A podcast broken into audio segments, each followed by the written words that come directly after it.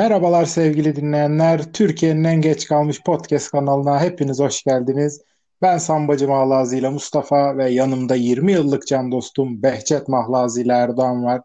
Erdoğancığım bu bölüm kaldık biz bize. Nasıl gidiyor ne var ne yok? İyi Mustafa nasıl olsun? NBA ısındıkça biz de yavaş yavaş ısınıyoruz. Beşinci bölümü olmuş bile göz açıp kapayıncaya kadar. Güzel gidiyor. Sen nasılsın? iyi misin? Ben de iyiyim çok sağ ol. Yani umarım artık böyle 550. bölüm JJ Reddy'yi konuk ettiğimiz zamanları da görürüz diye demek istiyorum. Ya abi gerçekten NBA çok ısındı. Yani her hafta artık ayrı bir boyuta geçiyor.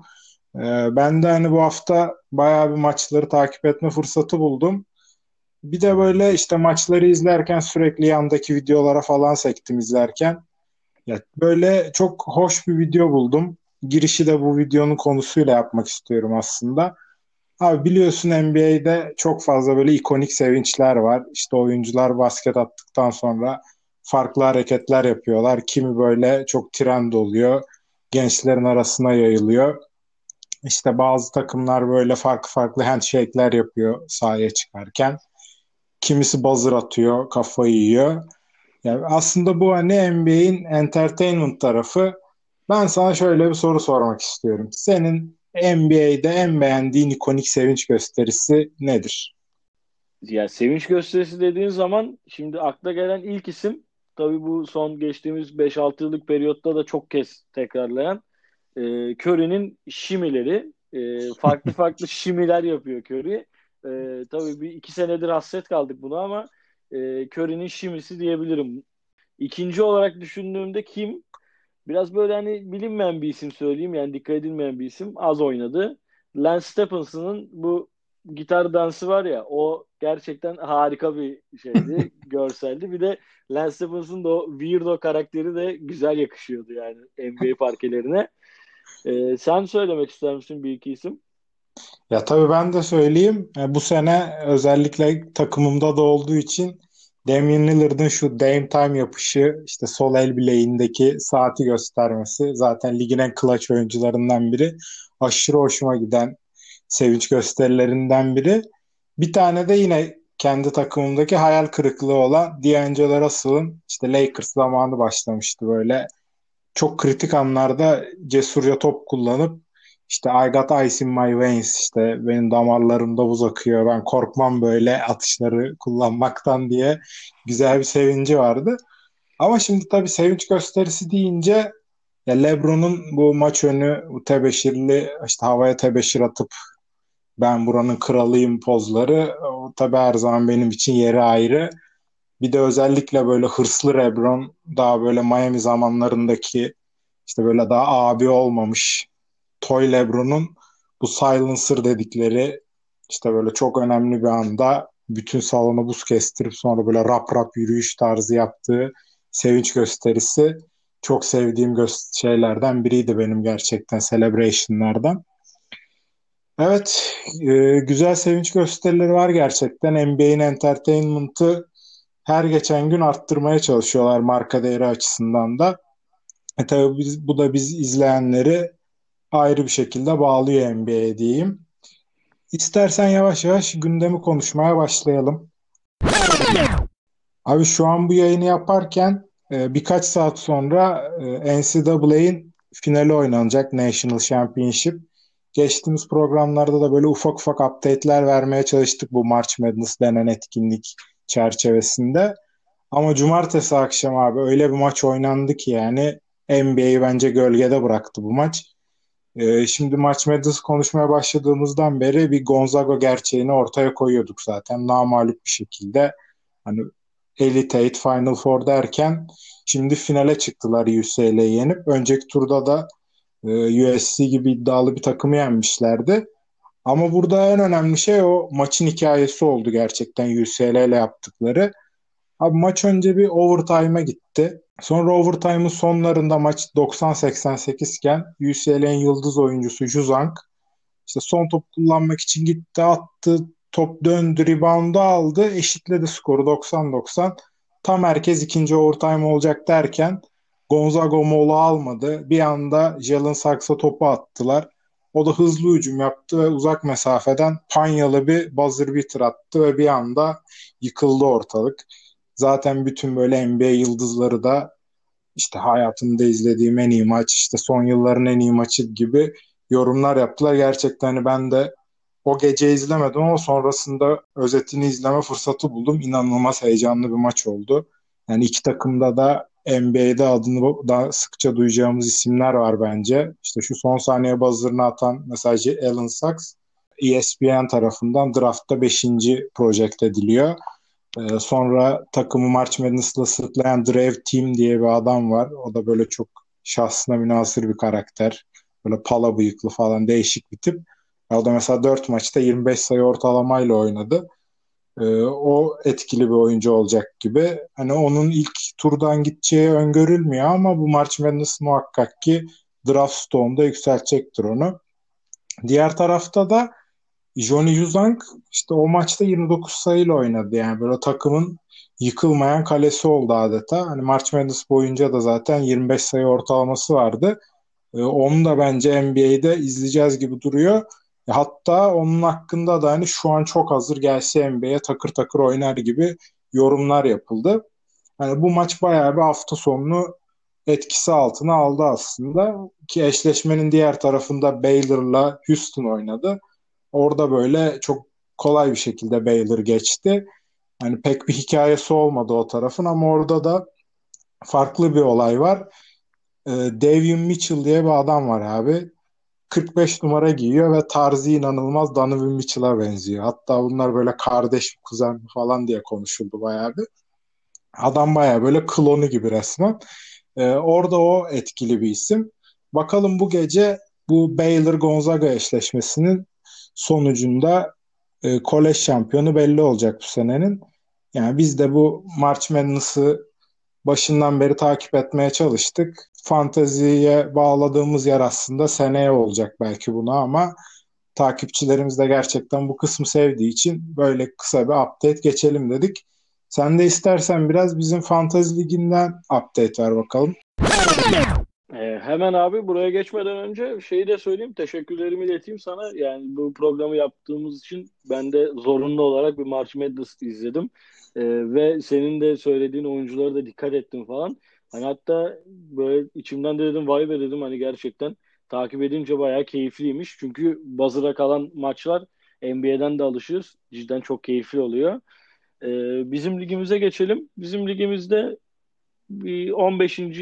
oyuncunun şeyiyle Nick, avatarı ve nickiyle başlamak istiyorum. Böyle oyunun nokta nokta diye. Zaten alt taraf beş kişi bizim düşünce tarzımız bu yani oyunla alakalı.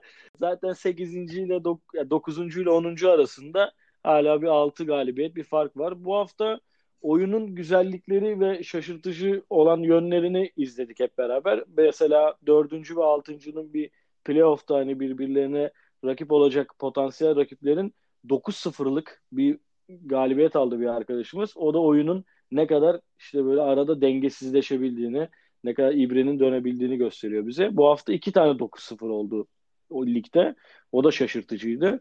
Tabii detaylarda kaybolduğumuz, işte rakamların, anların çok önemli olduğu yine bir haftayı geçirdik. Ben 16 takımlı ligde 12.yim. Mustafa sen 7.sin. Sen hala playoff kovalıyorsun. Benim zaten şu saatten sonra 10 dolar 20 dolar verme vermemeyi oynuyorum.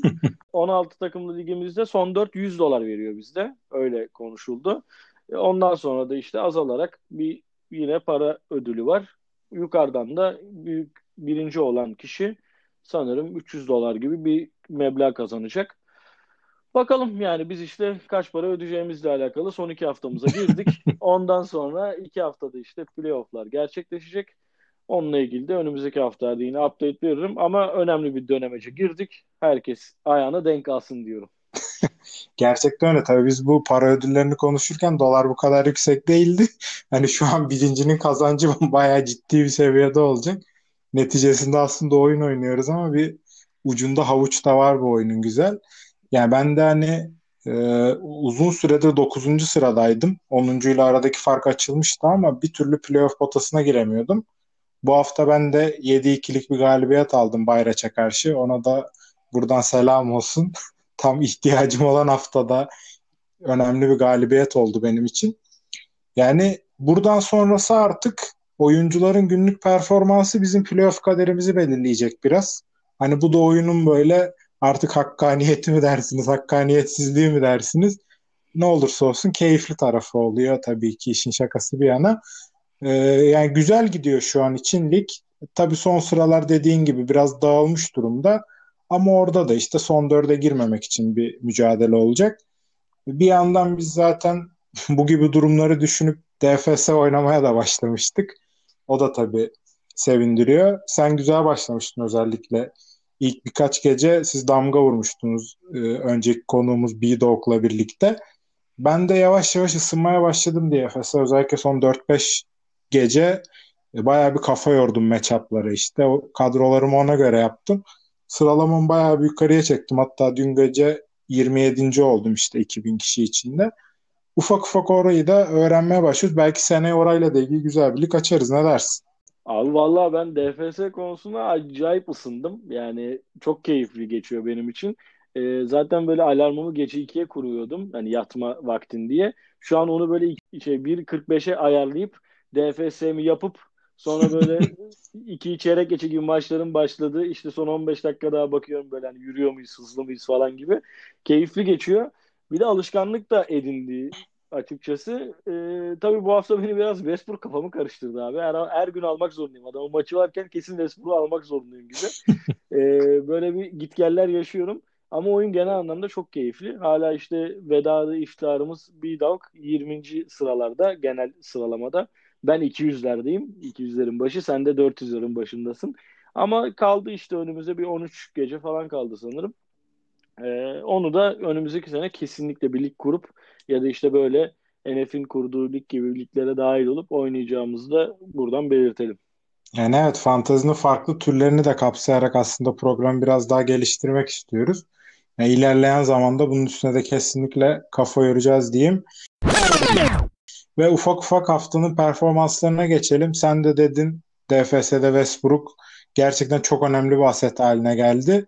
Ya fantaziye de bu hafta bence damgasını vurdu. Biz Westbrook sene başı performans düşüklüğü sebebiyle biraz emekçilerin üst sıralarında dillendiriyorduk ama artık yıldızlar geçinde çıkmayı bence kesinlikle hak etti abi. Bu hafta yani rebound sıralamasında üçüncü oldu. Ki birinci 54 reboundla Capella, ikinci de Carl Anthony Towns. Bunların ardından bir guard aslında üçüncü olmuş oldu. Zaten hani asist konusunda da kendini çok geliştirmişti son 4-5 yılda. Asiste de birinci oldu. En yakın rakibiyle arasında da 14 asist var. Ki en yakın rakibi de Kyrie Irving. O da bir kariyer high yaptı Chicago'ya karşı 15 asistle. Ya gerçekten bu triple double modunu açtı diyebiliriz Westbrook. Ee, zaten hemen Washington Wizards'ın all time triple double lideri oldu. Yani çok kolay bir şey değil zaten triple double yapmak ama Westbrook bunu kolay gibi gösteriyor biraz. Bir de şöyle enteresan bir rekora imza attı bu hafta. Abi NBA tarihinde hiç 35-10-20 şeklinde bir triple double olmamış. Ee, Westbrook yaptığı 21 asistle 35 sayı 21 asist 14 reboundla NBA tarihinde ilk kez 35-10-20 triple double'ını da yapmış oldu. Yani bu açıdan Westbrook'u Yıldızlar Geçidi'nde takdim edelim istedim. Sen istersen şimdi sıradaki isimden bahset biraz. Çok güzel anlattın Westbrook'u Mustafa. Yani şöyle böyle uçuyor kaçıyor. Ben de DFS'de çok aldım Westbrook'u. Çok güzel statlar yaptı. Ama oynamayan arkadaşlar bizi dinleyip oynayacak olan arkadaşlara şunu söyleyeyim. Bu hafta Westbrook olan arkadaşımız 9-0 yenildi. Yani adamın 9 statta da geriye düştü ya. Bu da çok garip bir anekdot. Yani bu oyun gerçekten adamı vezir de eder, rezil de eder yani. Ee, benim ismim de sıradaki ismim Carl Anthony Towns. Carl Anthony Towns 4 maçta 3 mağlubiyet alan Minnesota'da gerçekten yıkılmayan bir kaleydi. Ee, çok güzel statlara imza attı. 29 sayı, 15 rebound, 4.5 asist, 2 blok ortalaması yakaladı. Ve %92 ile de free throw yüzdesi yakaladı. Mesela bir maçı vardı işte Embiid'e karşı geçen gün oynadığı maçta. 39 sayı, 14 rebound, 5 asist gerçekten domine etti yani içerisini. Ve 67 puan yaptı Daily Fantasy'de. E artık Carl Anthony Towns sonuncu Minnesota'da yani Houston'ın bile altında olan Minnesota'da artık biraz böyle ritim bulması işte seneye hazırlık gibi performansları sergileyecek bence. Yani keşke Carl Anthony Towns'la başta çekseydik diyorum yani. Özlemişiz Carl Anthony Towns'ın bu hastalık süreçlerinde oynamayışını. Ee, bence ritim buldu. Önümüzdeki haftalarda da kesin Carl Anthony Towns'ı buralara yazacağız. Abi Carl Anthony Towns zaten tam bir fantazi oyuncusu. Yani hani dediğin gibi Minnesota'ya winner bir takıma dönüştüremiyor yıllardır. Ki bu sene işte kolej arkadaşı bilmem ne D'Angelo Russell geldi. Ya o adamın bir türlü ilaç olamıyorlar. Sanki bu bir, bir dönem Anthony Davis'in yakalandığı hastalığa yakalandı. Winner'a dönüşemiyor bir türlü. Ama tabii bireysel performans olarak inanılmaz oynuyor. Yani 6 maçtır double double yapıyor. Fantezide de bu arada 55 sayı ortalamayla geçirdi geçen hafta. Yani hani yok hiç mok hiç böyle çok abartı günlerinde 50'ler yapıyor. O açıdan da çok değerli performans ortaya koydu. Ya burayı bir de hani tam olarak girmese de Yannis'in bir maçı var. Hani o yıldızlar geçidinde bahsetmezsek olmaz bence. Abi 18'de 18 2 point atış yaptı. Yani e, ikiliklerinde hiç basket kaçırmadı e, Portland'a karşı. Ya Will Chamberlain yapmış bunu bir tek tarihte. Ondan sonra ilk oldu. Yani zaten içeride boyalı alanda inanılmaz yıkıcı. Üstüne bir de böyle field goal %85'lerin üstüne olunca zaten 47 sayıyla oynamış oldu. Ee, Yannis'in de böyle çılgınlaşma dönemi geldi gibi görüyorum ben. Önümüzdeki haftalarda kesinlikle onun da adını daha çok anacağız diye düşünüyorum burada. Bir sonraki kategorimize yavaş yavaş geçebiliriz. Emekçilerde Erdoğan istersen sen başla ilk. Evet başlayayım abi. Benim ismim burada. E, hatta bu podcast'e şöyle bir şey geçirmek istiyorum Mustafa. Erdoğan'ı gören Cowboy diye bir şey demek istiyorum. Yani yine Bogdan Bogdanovic çıktı abi karşıma. Ya Bogdan Bogdanovic sene başından beri adam hiçbir şey yapmıyor. Zaten sakatlandı oynamıyor falan. Yani inanılmaz istatistikler yakaladı. Bu hafta 4 maçta 26 sayı, 5 rebound, 6.5 asist ve 3 üçlük ortalaması yakaladı. Hani yani hani bunları yaptın iki steal ortalaması yakaladı bir de yani. inanılmaz bir performans yani komple bir oyuncuya dönüştü. Ve Atlanta'da Nate McMillan hocam bir de ben inandık bu takıma. 15 maç 4 mağlubiyet 11 galibiyetle Atlanta'yı şu an playoff'ta çok yukarılara taşıdı. Hala riskliler, hala sıkıntılılar. Yani aradaki farkı açabilmiş değiller. Ama yani takımda çok fazla aset var. Yani mesela dün Galinari çıktı iyi oynadı falan. Hani John Collins'in yokluğunda Capella şu an çok iyi götürüyor onları. O da çok güzel performans sergiliyor.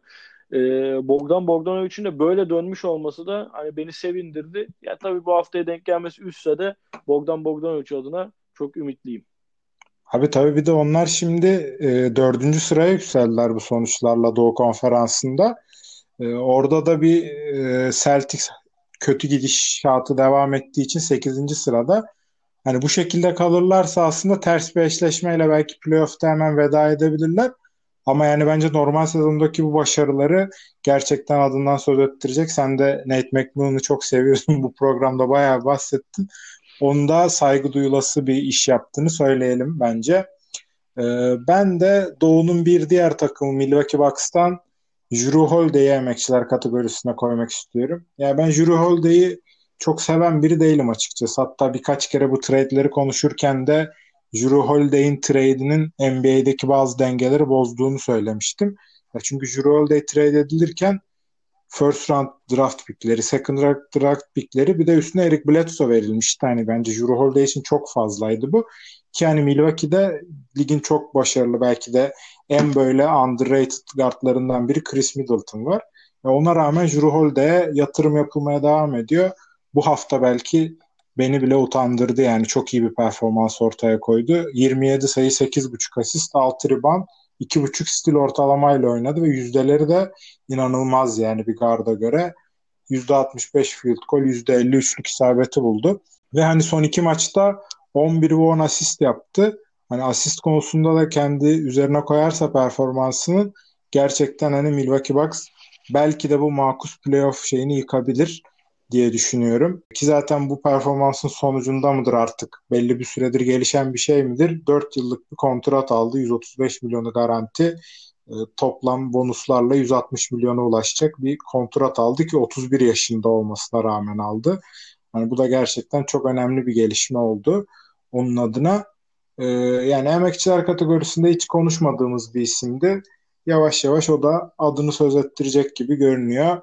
Senin eklemek istediğin başka isimler olur mu? Bu hafta emekçilere girmeyi hak edecek aslında çok fazla performans gördük. Benim bu kategoriye ekleyeceğim iki isim var. Ee, birinci isim Duncan Robinson. Abi Duncan Robinson 6 maçta 5 üçlük ortalaması yakalamış. Muazzam bir istatistik.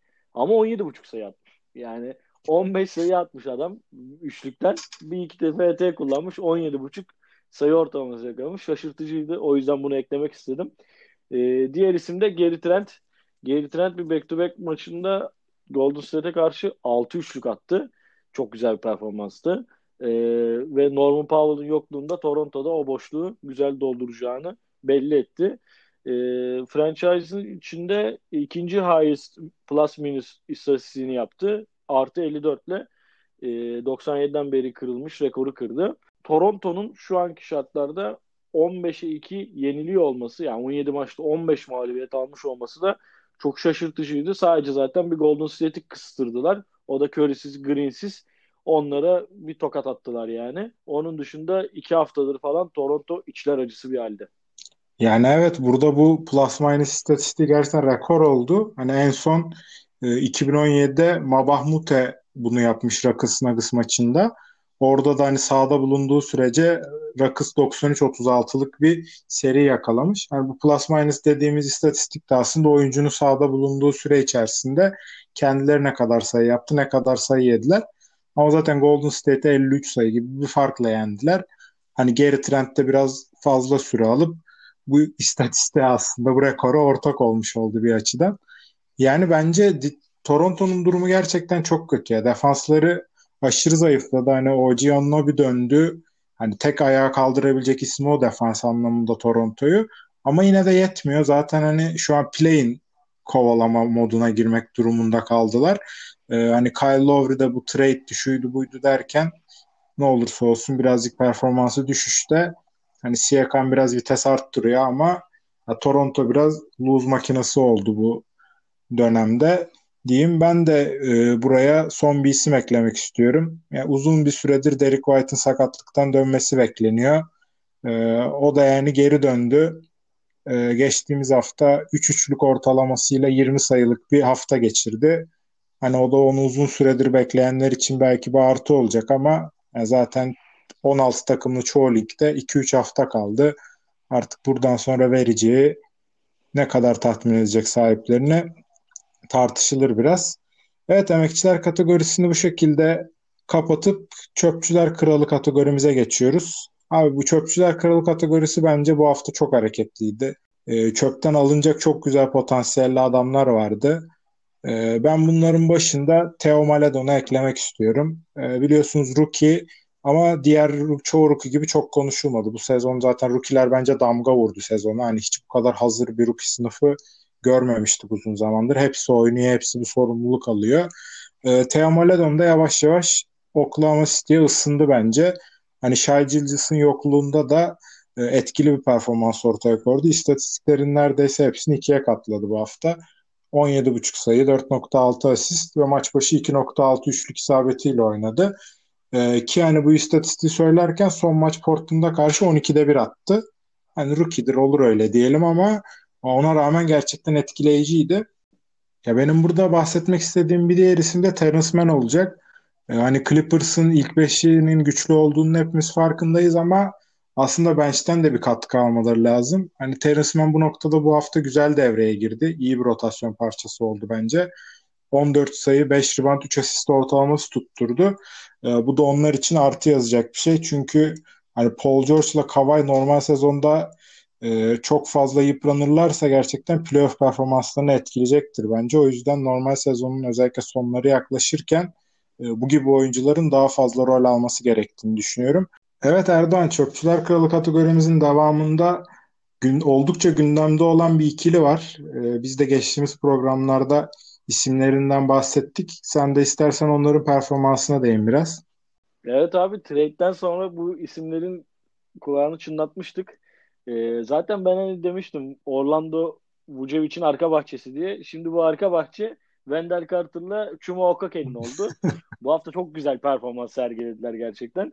E, Wendell Carter iki maçtır double double yapıyor. Wendell Carter bu arada yani, yani trade'den bir gün önce bizim ligde Wendell Carter sahibi arkadaş hani ne olur şu Allah'ın belasını alın benden yoksa çöpe atacağım falan yazıyordu. Yani öyle bir kepaze bir durumdaydı Chicago'da Wendell. Ama Orlando'da şu an Aaron Gordon da yokluğunda işte Vucevic'in gitmesiyle e, bayağı bir rol aldı. 17 sayı, 9.5 rebound, 2.5 asist, 2 blok ortalamaları tutturdu. Bunun yanında da 600 FG atıp 870'de free throw yüzdesi tutturmuş olması da bayağı bir katkı vermiş oldu. E, diğer isim de Chuma Okake. Okake'de 15 sayı, 6.5 rebound, 3.5 asist, 2 steal ortalama tutturdu.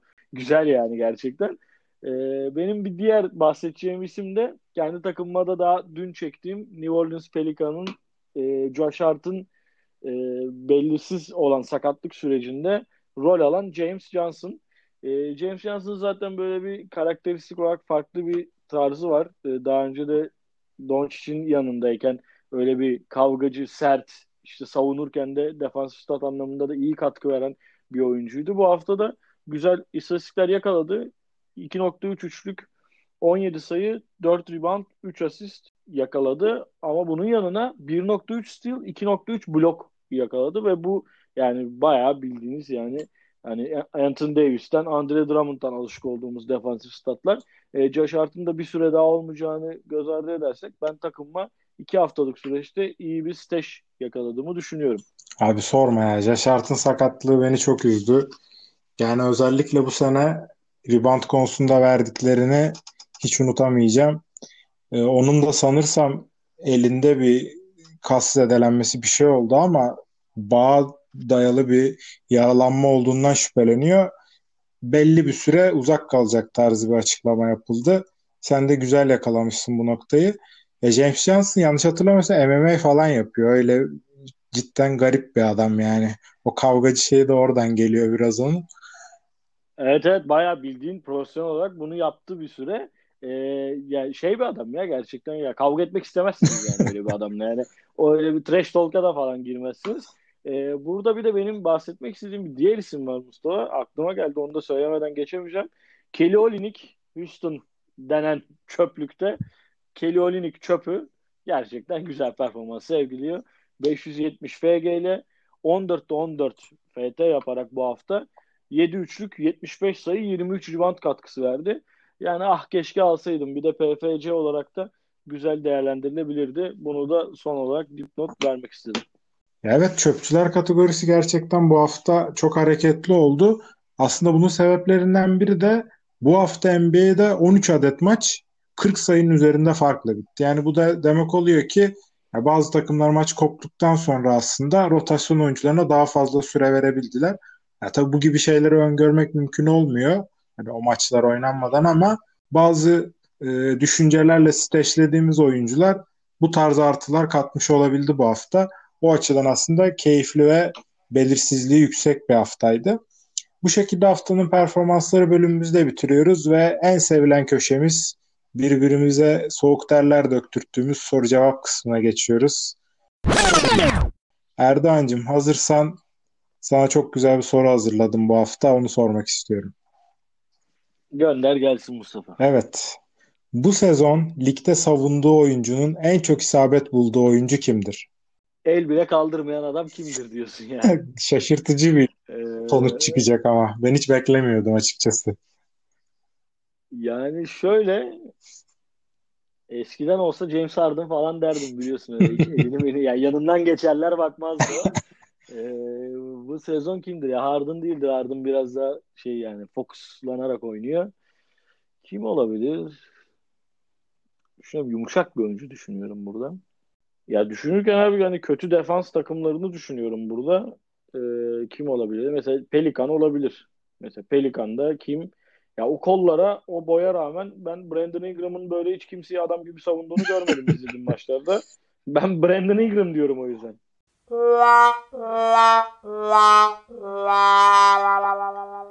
Ya aslında çok güzel fikir yürüttün. Brandon Ingram bu konuda ikincisi ligin. Ama birinci isim ya beni de baktığımda çok şaşırttı. Chris Middleton'mış abi. 507 tane üçlük bulmuş. Onun savunduğu oyuncular bu sene. Ya ben böyle basit bir matematik yaptım. E, ee, 1521 sayı ediyor. Zaten toplam e, 5530 sayı yemişler. Yani neredeyse üçte birini Chris Middleton'ın savunduğu oyuncunun üçlükleriyle yemişler. Yani neden şaşırdım ben buna? E, çünkü yani bu Chris Middleton 3 dediğimiz böyle işte hem üçlük atan şutör hem de iyi defansçı kategorisinde bayağı uzun yıllardır NBA'de bu şöhretle anılan bir oyuncuydu. Ama demek ki ofansta yaptıkları ve rolü arttıkça aslında hani 3 biraz daha böyle playmaker hani yarım yıldız rolüne bürününce demek ki defans yapmaya pek eforu kalmıyor. Gerçekten şaşırdım açıkçası. Hiç beklediğim bir isim değildi benim Chris Middleton. Ee, ama bu da böyle enteresan bir bilgi olarak kayıtlara geçsin. Şaşırdım ben de ya Chris Middleton olmasına ama yani düşününce evet Chris Middleton'da defansta bir Casper'lık var bu sene. ben de soruma geçeyim. Ee, benim de senin ters köşeye yatırabilecek bir soru. Ee, bu sezon maç başı en çok drive eden oyuncu kimdir ve kaç drive ediyor? Burada sana küçük bir ipucu vereyim. Benim aklıma direkt bakarken John Wall geldi. Abi John Wall ilk 5'te falan yok yani. yani John Wall'dan bile daha çok drive. Yani drive yapan bir oyuncu var. Vallahi güzel bir soru. Ee, yani %90 guard olacağını düşünüyorum. Ee, içeri girmeyi seven böyle çok top kullanan Luka Doncic var. Ya Doncic bir maç başı 15-20 drive yapıyordur herhalde en az. Ee, ya ben burada Luka Doncic demek istiyorum.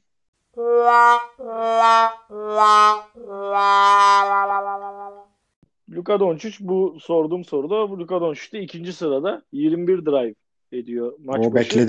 Ya burada evet ya yüksek bir de tabii sen de farkındasın yani hani Porzingis'in outları işte Tim Hardaway'in bu sezon daha volümsüz oynaması e, Luka bakıyor sağına soluna sonra drive ediyor zaten içeri. Ama burada asıl bir isim var ve hani bir takımın tek bir yıldızı desem aklına gelecek kişidir herhalde.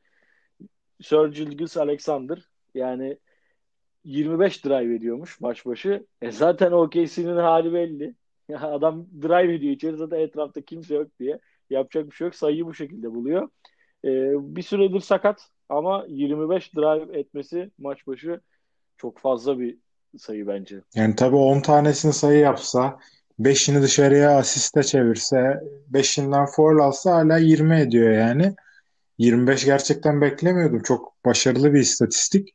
Ya bu yeni nesil guardlarda bence başlara yazacağımız bir isim olacak Şahit. Evet birbirimize gerçekten güzel sorular sorduk. Yine bilgilenmiş olduk bir bölümün sonunda. Bundan sonra her hafta sizinle yeni bir istatistik paylaşacağız. Bu haftamızın istatistiği true shooting percentage yani true shooting yüzdesi olacak. Hem dinleyenlerimiz de e, duyup belki de detayını merak ediyor olabilir. E, bu istatistik şut verimliliğini değerlendirirken kullanılıyor. E, şimdi normalde bizim field goal yüzdesi var baktığımız istatistik ama bu field goal yüzdesinin içinde ikilikler ve üçlükler aslında eşit bir katsayıda oluyor. Hani o yüzden serbest atışları vesaireyi de hesaba katmadığı için aslında bu bize bir oyuncunun şut verimliliğini tam anlamıyla karşılamıyor. Bunun üzerine de istatistikçiler, analizciler biz böyle true shooting diye bir konsept belirleyelim. İşte bunun içine free throw'u da katalım. İşte üçlüğün yüzdesini de katalım. Bunu böyle bir formülize edelim diye. Aslında iki aşamadan oluşmuş bu. Bir tanesi true shooting attempt diye. Yani normal şut attemptlerini true shooting'e çevirecek bir formülü yapmışlar. Ee, normal normal field goal attemptlerle e, free throw yüzdesini toplamışlar ama bunu toplamadan önce free throw'u 0.45 ile çarpmışlar. Ee, burada aslında free throw'u da yapılan atışın içine katmak için buldukları bir formülizasyon olmuş. Bunun sonucunda da true shooting attempt dediğimiz e, kavram ortaya çıkmış. Ya bulduğumuz bu true shooting attempt aslında bize bir sonraki aşamada yardımcı oluyor. True shooting yüzdesini hesaplarken atılan sayıyı ikiye bölüp bu true shooting attempt ile çarpıyoruz. Bunun sonucunda da aslında bir oyuncunun sağ içindeki gerçek şut etkisini, şut efektifliğini bulabiliyoruz. Bu işin içine hem field golü hem üçlü hem de free throw katmış oluyor. Yani şimdi bu tabii field goal yüzdesi yüksek oyuncularda zaten yüksek çıkabiliyor. İşte DeAndre Jordan %70'le falan field goal atıyor. Jared Allen yine öyle. Sürekli yani smaç vuran oyuncularda zaten bu E, true shooting yüksek çıkıyor. Zaten ne üçlük kullanıyorlar ne hani serbest atış çizgisine çok fazla gidiyorlar. Gitseler bile yani orada çok verimli olmuyorlar. Ama burada aslında bu istatistiğin gündeme gelmesinde etkili olan iki tane çok önemli isim var abi. Bir tanesi Stephen Curry. Zaten free throw yüzdesinin çok iyi olduğunu biliyoruz ki üçlük de çok yüzdeli atıyor. Hatta ben geçtiğimiz hafta bir istatistik okudum. Ee, bu long range dediğimiz işte 33-36 fitten atılan şutlarda %37, %38 gibi istatistikler buluyor. Ee, yani normal oyuncuların üçlük yüzdesi ancak o seviyelerde oluyor. Ee, bu açıdan Curry mesela %64 ile e, true shooting attempt'te ne kadar etkili olduğunu gösteriyor. Bir diğer isim de Joe Ingles. Joe Ingles bu listede guard olarak en yüksek sırada olan isim %73 ile.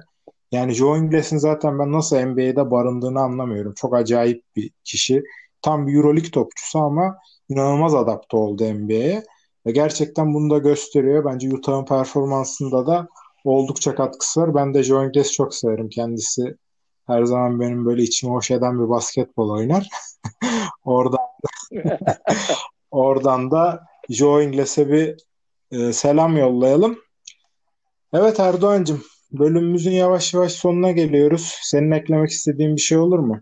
Evet Mustafa benim ekleyeceğim şey de şu. Ey Andre Drummond ne oldu mesela kardeşim be? Geldin sandık yine gelmemişsin ya.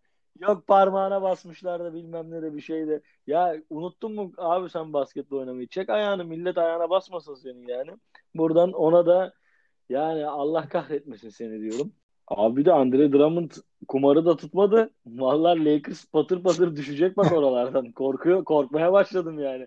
Hani LeBron'la AD falan hani girsinler soyunma odasına hani desinler Kyle Kuzma falan ne oluyor abi sana saçmaladı. Dün de saçmaladı yani. Lakers çok dipte ve şeyi de gördüm. Ben de geçen Twitter'da şunu gördüm. Ee, %35 izlenmeleri düşmüş zaten Lakers'ın. Hani havada kayboluyor artık AD ve LeBron kısa vadede gelmeleri lazım. Yoksa takım rampaşa gidiyor yani. Abi ki yani batıda alttan gelen Portland var, Dallas var. Yani bu gidişatla Lakers yani 7. sıraya falan gerilecek gibi en azından AD dönene kadar. LeBron'un dönmesine biraz daha var. Ha LeBron demişken onun da Space Jam trailer'ı çıktı. Gerçekten Michael Jordan'ın Space Jam'inden sonra yine keyifli bir film olacak gibi. Hatta orada da ona Damian Lillard, Anthony Davis, işte Diana Taurasi, Klay Thompson falan eşlik etmiş. Bayağı güzel olacak gibi. LeBron kralım da yazık geceleri kalkıyormuş. Basket oynamayı özledim. Tweetler atıyor. yani cidden hani geçen yılın şampiyon Lakers bunları hak etmiyor ama işte eldeki malzemede bir yere kadar hani THT diyorsun takımın çekirdeğine koyayım diyorsun. Bir yere kadar o da yani iki maç iyi bir maç kötü. Kyle Kuzma da aynı şekilde. Yani Murtaza tek başına uğraşıyor. Rebound alıyor. Smaç basıyor ama gidişat gerçekten kötü diyorum. Evet Erdoğan'cığım 5. bölümümüzün sonuna geldik. Bir sonraki bölümde belki sürpriz bir konuğumuz olacak. Onun da şimdiden müjdesini verelim. Evet ben de başladım bu hafta ikna turlarına. Bakalım önümüzdeki hafta konuğumuz kim olacak? Evet yani sizler için güzel konseptler de planlıyoruz. Umuyoruz ki önümüzdeki haftalarda hepsini yavaş yavaş yayına alacağız. Evet Erdoğan'cığım teşekkür ediyorum öncelikle sana. Güzel bir bölüm oldu. March Madness'ı konuştuk. Ligimizin durumunu konuştuk. Haftanın performanslarını konuştuk. Şimdiden hepinize iyi günler, iyi haftalar diliyoruz. Haftaya görüşmek üzere. Görüşmek üzere.